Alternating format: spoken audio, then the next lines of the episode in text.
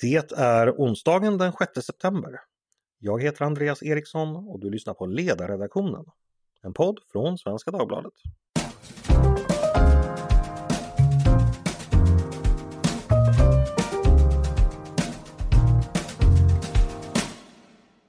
Varmt välkomna! Tidigare i veckan presenterade regeringen två nyheter på skatteområdet. Först fick vi veta att den så kallade skiktgränsen för att betala statlig skatt inte kommer räknas upp nästa år. Det innebär att betydligt fler kommer att betala den skatten. En uppräknad skiktgräns enligt den praxis som finns hade inneburit minskade skatteintäkter med 12 miljarder kronor. Därefter presenterade regeringen ett nytt jobbskatteavdrag, vilket som mest innebär en skattesänkning med 3 251 kronor om man tjänar ungefär 40 000 kronor i månaden eller mer. För staten innebär det här minskade intäkter med 11 miljarder. Alltså ungefär lika mycket som den där extra skatteintäkterna från den oförändrade skiktgränsen. Det här låter kanske lite komplicerat för den som inte är insatt men vi ska försöka reda ut hur skattelagstiftningen fungerar. De här förslagen har i alla fall mötts av både ris och ros. Regeringen hade från oppositionen tidigare kritiserats för att den här skiktgränsen eh, skulle höjas och att man därmed då utifrån deras perspektiv helt enkelt sänkte skatten för rika. Men när beskedet om att gränsen skulle vara oförändrad eh, var det andra som blev sura, bland annat den här ledarsidan. Regeringens skattehöjning är ett löftesbrott och dessutom dålig politik, skrev Peter Wennblad hos oss igår. Andra ledarsidor har tänkt annorlunda och menar att regeringen har prioriterat rätt. Det här är alltså ämnet för dagen. Har regeringen gjort rätt eller fel? Vilka fördelar respektive nackdelar finns det med ett oförändrat skiktgräns? Eller är ett jobbskatteavdrag att föredra? Eller borde regeringen genomfört båda skattesänkningarna? Och hur ska vi generellt tänka kring borgerlig skattepolitik? Med mig för att försöka reda ut de här frågorna har jag två gäster idag.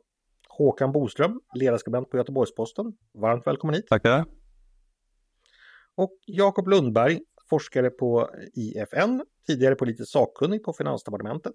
Varmt välkommen du också Jakob! Stort tack! Du är ju gammal bekant för poddens lyssnare. Du har ju tidigare varit chefsekonom för Timbro också. Eh, om vi börjar med dig Jakob och det här med den oförändrade eh, skiktgränsen för statlig skatt. Vad tänkte du när du hörde att eh, gränsen föreslås bli oförändrad även nästa år? Jag blev ju besviken förstås. Alltså, Sverige har ju en av världens högsta marginalskatter för höginkomsttagare. Och dessutom så, så redan innan så träffade det här ganska normala inkomster. Alltså det är ungefär en miljon svenskar som betalar statlig inkomstskatt. Och jag räknade ut någon gång att en majoritet av svenskarna kan förvänta sig att betala statlig inkomstskatt någon gång i livet i och med att inkomsten varierar ju och vissa år så kan man ha en inkomst som, som når över den här gränsen. Så det, det är inte så att det handlar om ett fåtal superrika utan ändå om en ganska stor grupp svenskar. Eh, och nu är det ju då ytterligare drygt 300 000 som kommer träffas av den här statliga inkomstskatten och får då en höjd marginalskatt, alltså en skatt på den sist intjänade kronan med 20 procentenheter. Och det är att det blir mindre lönsamt att anstränga sig på jobbet, utbilda sig, arbeta någon extra timme, eh, mer lönsamt att skatteplanera och så vidare. Så vi får ju alla de här negativa effekterna som vi vet från forskning finns från eh, högre marginalskatt. Men du, jag förstår ju förstås hur den där teorin fungerar och den har nog de flesta av lyssnarna eh, eh hört också. Men är det verkligen så? Säg att man tjänar, har en lön på 60 000 kronor i månaden som tjänsteman. Är det verkligen så att man jobbar en extra timme till och får lite extra lön på det? Alltså, hur, vet vi att det praktiskt också fungerar som teorin förutsäger? Att folk jobbar mindre när man inte får mer, behålla mer pengar själv? Ja, det, är, det är ju en möjlig effekt. Alltså det är nog inte jättestora effekter på just arbetade timmar, men jag tror att det finns vissa som kan justera sin arbetstid. Eh, Finansdepartementet har en modell som man kör och de säger då själva att den här beräkningen, eller den här skattehöjningen kommer leda till 11 000 färre eh, arbetskrafter på helårsbasis. Alltså, ehm, så det, det, är en effekt. Sen tror jag att den, den, stora effekten kanske är mer andra typer av beteenden. Alltså det kan ju handla om hur mycket anstränger man sig för att byta jobb till ett mer välbetalt jobb till exempel? Eller finns det en alldeles färsk dansk studie som tittar på det här då, som visar på att det kan vara en väldigt betydelsefull effekt för just höginkomsttagare. Eh, eller hur man anstränger sig för att liksom bli befordrad och så vidare. Är man beredd att flytta till en annan stad för att få ett, ett jobb? Eh, alla, eh, den typen av effekter. Och så mer långsiktigt då förstås. Liksom är man beredd att ta den här längre utbildningen för att komma upp lite i inkomst? Det kan också handla om liksom, den internationella aspekten. Väljer man att jobba i Sverige eller i något annat land? Så att det finns ju flera olika effekter här som, som samverkar. Mm. Jag ska flytta över till dig Håkan. Du, tycker, du tillhör de som tycker att regeringen har tänkt rätt i det här fallet. Regeringen har mycket goda skäl för sin sak när den riktar om skattesänkningarna till låg och medelinkomsttagare, eh, skrev du tidigare i veckan. Eh, vilka är de goda skälen? Ja, jag menar ju att eh, eftersom regeringen eh, justerade upp brytpunkten för statlig inkomstskatt i förra årets budget så väldigt kraftigt, eh, så i linje med inflationen då som eh, har varit mycket högre än generella löneökningarna, så var ju det i praktiken, innebar det i praktiken att eh, betydligt färre då skulle betala den statliga inkomstskatten. Och hade man gjort det i år också det fanns en beräkning från Swedbank att det skulle halvera antalet som skulle betala statlig inkomstskatt med 30 eh, Så det här kan, om man, sett, om man slår ihop de här två budgeterna så blir utfallet eh, som jag förstår att det tar ut varandra. Det är också så som finansministern beskrev det på gårdagens presskonferens. Därför tycker jag mm. kanske att... Ja, 11, 11 och 12 miljarder så det, det, ja, det går nej, ganska jämnt upp. Jag pratar nu om det förra årets budget och nuvarande, alltså ja, okay. För om man då ser det här som en engångshändelse, att man, att man fortsätter justera framöver. Eh, så ur den aspekten tycker jag kanske att reaktionerna är lite överdrivna. Så, sen menar jag att det, det är rätt att prioritera vanliga hushåll. Jag vänder mig lite mot den här, att man nu försöker beskriva det som att det är vanligt folk som drabbas av eh, den statliga inkomstskatten, det är ju trots allt eh, bara en, en minoritet, även en minoritet av borgerliga väljare, de som röstar på partierna som betalar. Mm. Ja. Jag ska ta in lite siffror där. Enligt Finansdepartementet så är det så att i år så är det ungefär 11 procent av de skattskyldiga, det är vi det, som betalar statlig skatt för våra inkomster. Och det är den lägsta andelen sedan 1991. Hade gränsen räknats upp enligt den praxis som finns eh, och den praxisen är då KPI, det vill säga de allmänna prisförändringarna i samhället, plus 2 procent. de där 2 procenten siktar väl in sig på någon form av då, eh, reallöneökning. Då hade andelen varit nere i 9 procent nästa år. Eh, nu blir det istället 13 procent. Så det är alltså 4 procent av alla skattskyldiga som, som påverkas. Okay. Eh, säga, historiskt har det varit ungefär mellan 11 och 14 procent av alla människor som har betalat statlig skatt.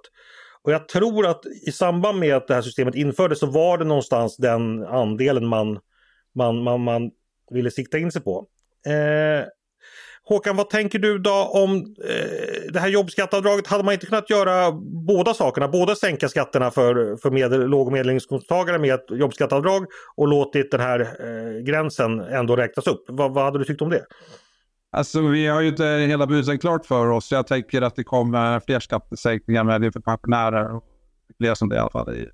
Och eh, bensinpriserna, bränsleskatterna och så vidare. Så att det, en del försöker få det till att regeringen höjer skatten totalt. Det är jag inte säker på. Det får vi vänta och se budgeten här om några veckor. Mm. Uh, och och Jakobs resonemang kring det här med marginalskatter och, och, och, att det hämmar folk från att arbeta och utbilda sig och sådär. Vad, vad, vad tänker du om det? Eh, jag vill först säga att eh, eftersom vi, när vi befinner oss i en lågkonjunktur så är det viktigt att se till de som är, är hårdast drabbade. Och jag, och jag menar att skattesänkningar för låg och medelinkomsttagare är minst lika god borgerlig politik. Så att säga. Speciellt i den situation vi befinner oss i. Det är inte rätt läge att hålla på och sänka marginalskatter just nu för att få dynamiska effekter om några år. Det, det kan man säkert diskutera i i goda tider. Men jag, jag ser det lite grann som en, en, en annan fråga. Och eh, jag vet att Jakob någon gång har eh, förespråkat att man ska ta bort den statliga inkomstskatten helt. Det, det, kan man diskutera, men det är lite en annan diskussion än det politiska läge vi befinner oss i. Ja, men Jakob, vi kan väl ta det direkt. Ska vi ta bort den statliga inkomstskatten helt? Ja, jag skulle ju förespråka det. Det, det är ju en, en, större reform förstås och det är nog ingenting som kommer hända under den här mandatperioden eller, eller nästa. Eh, men det är ja, kanske som en del av en större skattereform eller sådär. Men det, om man då pratar om vi pratade tidigare om att marginalskatter påverkar människors beteende. Det handlar om arbetade timmar, jobb och så vidare. Eh, och det påverkas inte vilka inkomster man har. Och det är inkomster som man betalar skatt på som är, utgör skattebasen, basen för skatteintäkterna. Och det för oss osökt över till Lafferkurvan och det man brukar prata om dynamiska effekter. Alltså att har man, eh, ja, att eh, skattesatsen påverkar skattebasen. Eh, har vi, sänker vi skatten så kommer människor att tjäna mer pengar och då kommer vi också att få in mer skattepengar den vägen. Och ibland så blir då den här effekten så pass stor att vi faktiskt får lika mycket skattepengar eller mer än vi hade innan. Eh, och jag har då räknat på att så är fallet när det gäller den statliga inkomstskatten. Att det skulle då på några års sikt faktiskt vara självfinansierande för, för statskassan. Eh, att man ligger då på Sverige ligger idag på fel sida om Lafferkurvan som visar då sambandet mellan skattesats och skatteintäkter. Det finns en punkt när skatten är så pass hög att man faktiskt kan få in mer skattepengar genom att, att sänka skatten. Så jag tycker att det är också ett perspektiv som är viktigt att ta med i det här. Eh, och tyvärr så räknar man ju inte med det här i, på Finansdepartementet utan där säger ju de här beräkningskonventionen att man inte ska ta hänsyn till eh, beteendeförändringar hos skattebetalarna. Eh, och det, ja, jag tycker att man ska, man ska inte göra några glädjekalkyler och räkna med några jättestora dynamiska effekter när man sänker skatten. Men när vi pratar skattehöjningar som det här som regeringen nu föreslår så, så leder ju det här beräkningssättet till ett, ett väldigt skevt utfall. Eh, att man kan räkna hem alla de här 12 miljarderna trots att Finansdepartementet själva räknar med ganska stora eh, beteendeförändringar hos skattebetalarna. Och där Riksrevisionen kom med en rapport bara för några månader sedan som sa att förändringar av skiktgränsen för statlig inkomstskatt har en hög självfinansieringsgrad, alltså att dynamiska effekter raderar ut en ganska stor del av intäkterna eh, vid en skattehöjning. Eh, så då blir det en, en glädjekalkyl faktiskt det som man gör på, på Finansdepartementet och, och inte minst att det påverkar även kommuner och regioner och deras skatteintäkter på ett sätt som de inte får kompensation för. Du, bara en nyfiken fråga. Finns det några exempel i någorlunda modern tid där man faktiskt har sänkt skatte, skatterna och får den här effekten du beskriver att skatteintäkterna ökar när man sänker en skattesats? Alltså är, man tittar ju på enskilda skatter. Det är, ju, det är liksom inte meningsfullt att titta på skatteintäkterna som helhet. Det är ju så mycket som händer i en ekonomi. Utan det finns en, en ganska stor, stor forskningslitteratur nu både i Sverige och andra länder över 50 studier som, som tittar på det här och det finns ja, flera studier från både Sverige och Danmark till exempel. Där, där man då kan se hur mycket reagerar folk när man förändrar skatterna. Eh, och, och, de flesta studier visar då att man reagerar så pass mycket att i fallet med Sverige så skulle det då vara självfinansierande när man sänker skatten för, för höginkomsttagare bara göra en liten kort historielektion här. Dagens skattesystem är mycket på inkomstsidan. Den kommer av den så kallade stora skattereformen som genomfördes 1990. Det var Socialdemokraterna, Folkpartiet och Centern som stod bakom då. Och det är så att eh, det mesta inkomstskatter vi betalar betalar vi till kommuner och regioner. Eh, och det är ungefär 30 procent av våra inkomster. Och eh, de flesta människor betalar ju bara det som inkomstskatt. Men så är det ju så att man, eh, om man kommer över en viss gräns som idag är 51 000 kronor i månaden, då betalar man 20 procent av det överskjutande beloppet i statlig skatt och då blir alltså då den totala marginalskatten ungefär hälften eftersom eh, snittet på, på Ja vad är det Jakob, kommunalskatten är drygt 30 procent i snitt eller? Ja, typ 32 32. Så, så kan man ju slå, slå ihop det då med statlig skatt. Och tidigare fanns det någonting som hette värnskatt och det var att man det fanns en ytterligare en gräns lite högre upp där man då betalade 25 procent. Och den infördes då under 90-talskrisen och togs ju bort i samband med januariöverenskommelsen.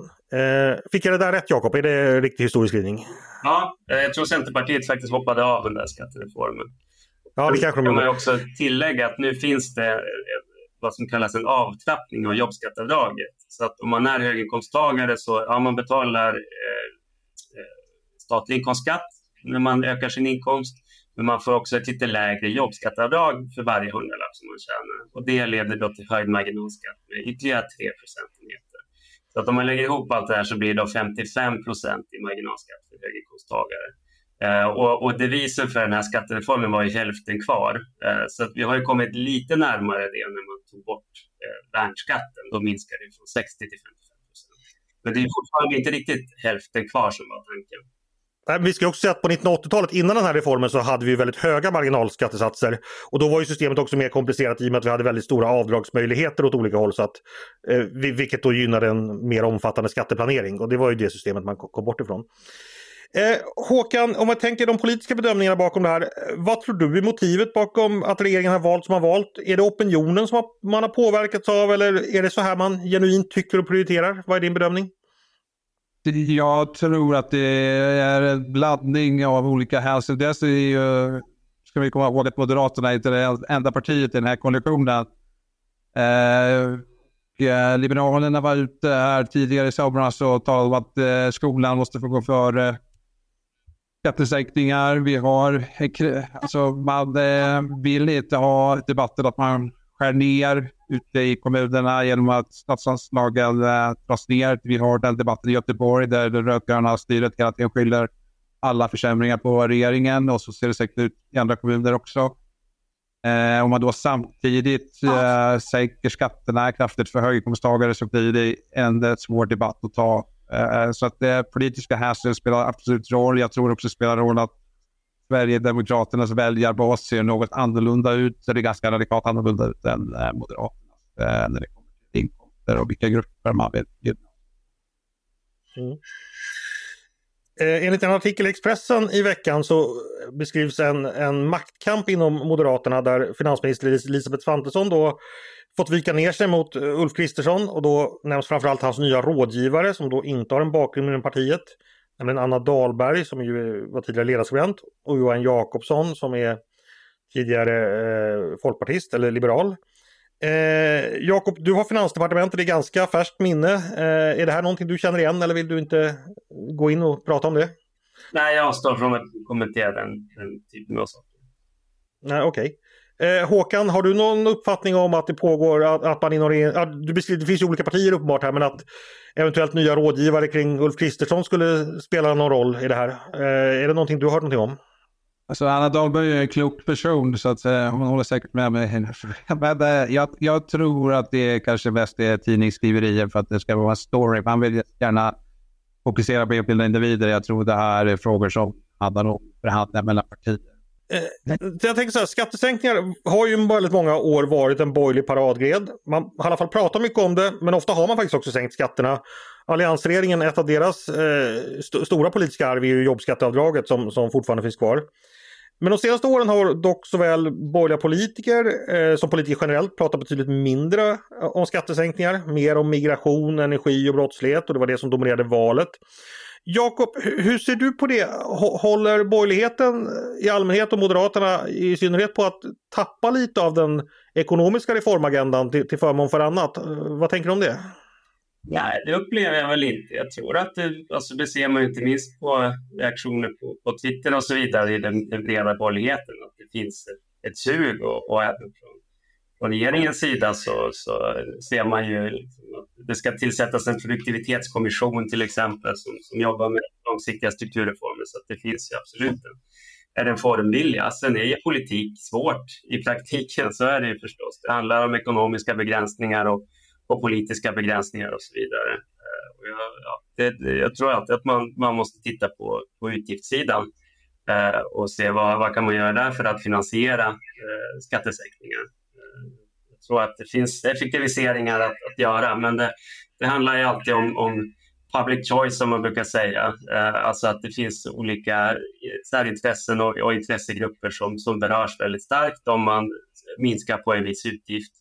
Eh, men att eh, nyttorna av den utgiftsminskningen kanske då sprids över hela befolkningen i form av en skattesänkning och de har mycket mindre incitament att engagera sig för, för den typen av skattesänkning och utgiftsminskning. Liksom. Så det, det, finns ett, en sån politisk problematik här. Eh, men det är det som, som är, eh, politik handlar om, reformpolitik. Att faktiskt lyckas med den typen av saker. Ja, där vill jag säga att jag håller med Jakob att eh, man, man borde titta mer på vilka utgifter man kan dra ner på och hur man kan reformera den offentliga sektorn. För det går, går ju en hel del pengar som skulle kunna användas mer effektivt. Och jag tycker man ska fokusera kanske mer på den lite svårare nöten än att börja i skattepolitiken. Men Håkan, vad tänker du om det här? Regeringens både mandat från väljare, väljarna och regeringens agenda när det gäller att i den ekonomiska politiken. Hur, hur, skulle du bedöma att den ser ut övergripande? Finns det en reformagenda där sänkta skatter och minskad offentlig sektor fortfarande är lika prioriterat som det varit tidigare bland borgerligheten? Jag tror inte det finns något, eh, något, mandat för att uh, skära ner på välfärdens kärnverksamheter, eh, skolan, eh, vården och omsorgen som man brukar säga. Eh, och det har det väl egentligen aldrig riktigt funnits utan det, det, det finns väl ett mandat att skära ner på det som folk uppfattar som onödig byråkrati och som i viss mån är det. Och, också att sätta åt bil, eller liksom missbrukar bidrag.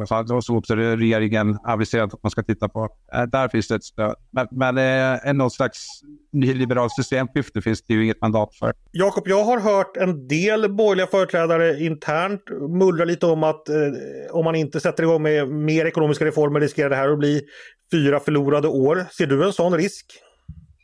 Det är för tidigt att säga. Alltså, vi har inte sett hela den här budgeten än. Eh, men det är klart att det gäller att dra igång tidigt i en mandatperiod om man ska hinna tillsätta utredningar och, och så vidare. Eh, men, eh, ja, jag, tror att det finns gott hopp ändå om strukturreformer.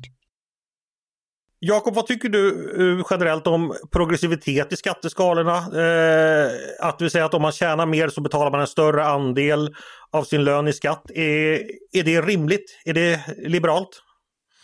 Ja, det, det är en stor fråga. Eh, ja, nej, jag skulle inte säga att det är liberalt. så. Eh, och, och ju progressivitet, jag är nationalekonom så jag tänker att jag pratar mer ur det perspektivet. Alltså, progressivitet innebär ju per definition att man har då höga marginalskatter, alltså att det lönar sig mindre att på marginalen öka sin inkomst. Och då får vi ju alla de här effekterna som, som jag nämnde tidigare, eh, som jag också skriver om i min bok, att du behöver rätt om skatter. Reklam eh, och, och jag, jag, tror att här finns det också en, en politisk eh, aspekt, att man ser just att det, det är liksom, politiken talar alltid för att ha mer progressivitet. Det är liksom alltid lätt att säga att men nu har vi skatter för höginkomsttagare och, och ger till låginkomsttagare. Det finns exempel från 70-talet, Haga-överenskommelserna och så vidare, att det går åt det hållet. Och, och, det är ju liksom inte hållbart i längden. Det var ju det som hände under 70 80-talet. Vi fick mer och mer progressivt skattesystem, eh, högre och högre marginalskatter och till slut så blev det liksom ohållbart och så fick man göra den stora skattereformen 1991. Så jag tror att det, det, är det man måste liksom hålla i här och se att ja, visst, det, det kanske kan ge en, en kortsiktig politisk vinst att, att ha en mer omfördelning och ett mer progressivt skattesystem. Ja, som, som regeringen nu gör, att höja skatter för höginkomsttagare och, och sänka för mer medelinkomsttagare. Ehm, men att på sikt så får det negativa effekter för, för ekonomin i form av incitament för att anstränga sig och utbilda sig. Mm. Håkan, vad säger du där rent ideologiskt som liberal om progressivitet i skattesystemet? Eh, kan, man, kan man vara anhängare av det som, som liberal så att säga? Jag skulle säga att det, det här med väldigt höga marginalskatter, det, det var just 70-80-talet. Eh, där fanns det ju aldrig att göra någonting åt det. Men om vi tittar de senaste decennierna så det är svårt att säga att just höginkomsttagare har varit i strykklass. Det är väl inte riktigt så det ser ut i samhället och eh, man har avskaffat, även under socialdemokratiska regeringar, då, förmögenhets... Nu värnskatten också för den delen. Så att, eh, att det skulle finnas en slags trend mot eh, att sätta åt höginkomsttagare, det håller jag inte riktigt med. Så ser inte världen ut idag, skulle jag säga. Eh, mm. sen, sen den ideologiska frågan är intressant. Eh, jag skulle vilja säga att man som liberal eller för den delen som konservativ måste inte tycka att det är odelat bra att ta bort alla marginalskatter. Eh, sen kan man eh, förstås diskutera fram och tillbaka exakt vad de ska ligga på för nivåer. Om Sverige borde ha mer liknande system som en del andra länder i Västeuropa. Men eh, det är ju vad jag har förstått enbart vissa länder i Östeuropa som, som har platt skatt. Jag, jag, tror att man måste se till vad man får det för sociala konsekvenser. Man kan inte se ekonomin så att säga, särskilt från samhället i övrigt. Vad, vad händer med ett samhälle om vi har väldigt stora inkomstklyftor? Jag är inte övertygad om att det nödvändigtvis blir så att säga, mer liberalt eller borgerligt av det. Mm. Eh, Håkan, du, du, nämnde tidigare att du, du trodde eventuellt att eh, SDs eh, lite annorlunda väljarprofil skulle kunna vara inblandad i det här. Nu är det ju så att borgerligheten eh, ja, samarbetar ju med, med, SD om den ekonomiska politiken. Hur, hur mycket tror du att det påverkar eh, skattepolitiken? Ja, det påverkar eh, nog en hel del jämfört med om det hade varit en, ja, jämfört med allians, en renodlad alliansregering eller så vidare. Men, men, men, samtidigt så i de här frågorna kan det ju, nu vet jag inte exakt vilka positioner de andra partierna, Kristdemokraterna och Liberalerna intar, men det är inte säkert att de alltid står på Moderaternas sida. Nej, Eh, Eh, Jakob, har du någon uppfattning om eh, var Sverigedemokraterna befinner sig i de här frågorna och vilken grad de påverkar Tidöpartierna generellt när det gäller skatterna? Mm. Ja, det är klart just brytpunkten finns det ju en historia kring från Sverigedemokraterna. De var ju med och stoppade en höjning av brytpunkten här tillsammans med Socialdemokraterna och, och Vänsterpartierna här för, för, för, några år sedan. Eh, och de har även varit ute offentligt och, och pratat om brytpunkten innan vi fick det här beskedet. Så det, det är väl tydligt att de har en lite annan ingång i det här, just den här frågan. Hörrni, vi ska titta framåt. Vi har ju en, en eh, budget som kommer nu. Eh, Jakob, vad, vad önskar du dig av den budgeten? Vad, vad, vad hoppas du på? Vad, vad tror du på? Ja, eh, nej, men jag, ska, jag ska nog inte uttala mig om att jag, jag var med i budgetarbetet. I, i ja, man, man, man, kan ju se att vi, vi, när jag jobbade på Finansdepartementet i juni så skickade vi ut ett antal förslag på remiss om, om ja, mest då skattesänkningar. Ehm, mm. Och nu, det som verkar bli av av det är ju då det här eh, jobbskatteavdraget lite uppskalat jämfört med det förslag som skickades ut på, på remiss. Så det, det, det, är positivt att, att det blev av, även om jag är väldigt kritisk till, till finansieringen som sagt. Så får man ju se i övrigt vilka av de här skatteförslagen som kommer vara med i budgeten och inte. Ehm, det, det får vi veta om några veckor. Håkan, samma fråga till dig då. Vad, vad, vad, förväntar du, vad hoppas du på och vad är realistiskt att förvänta sig av budgeten? Jag tror det är realistiskt att inte ha så höga förväntningar. Eh, vi är ju som sagt på väg in i lågkonjunktur och samtidigt som vi har inflation. Så att, eh, som Elisabeth Svantesson hela tiden betonar så är det att vara återhållsam. Det viktiga är att inte eh, spä på inflationen som gör, skadar ekonomin och pressar hushållen med höga räntor. Vi har fler varsel och så vidare. Så att, och det är lite på att man inte kommer att bränna på. Så, men, eh, ja, det, det kommer nog bli en ganska tråkig budget. Det blir kanske eh, ytterligare sänkning av bränslepriserna, men också en hel del pengar till kommunerna för att köpa ska Just det, det glömde jag fråga dig Jakob. Inflationen, om man sänker skatten, eh, riskerar man att spä på inflationen då? Ja, det, det håller jag med Finansdepartementet. Att det just att har man en mer expansiv finanspolitik, oavsett om det handlar om sänkta skatter eller ökade utgifter, så, så leder det till att man bränner på efterfrågan i ekonomin. Eh, och då riskerar det att leda till att Riksbanken måste höja räntan mer.